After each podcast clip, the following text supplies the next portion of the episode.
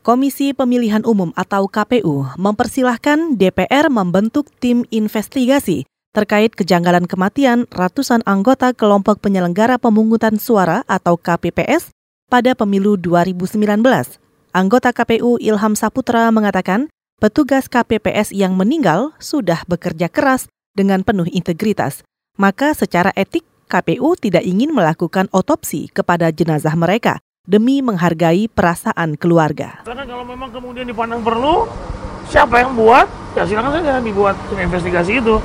Tapi buat saya adalah kemudian teman-teman KPPS yang sudah meninggal dunia ini adalah uh, pahlawan pemilu, pahlawan demokrasi yang sudah bekerja secara luar biasa. Anggota KPU Ilham Saputra juga menuturkan, gagasan pembentukan tim investigasi digagas Wakil Ketua DPR Fahri Hamzah Hal itu dilatar belakangi dari 456 petugas KPPS yang meninggal usai menunaikan tugas. Ilham menegaskan, para petugas KPPS yang meninggal disebabkan karena kelelahan. Mereka dalam bertugas mementingkan proses pemilu tanpa memikirkan kondisi kesehatannya sendiri.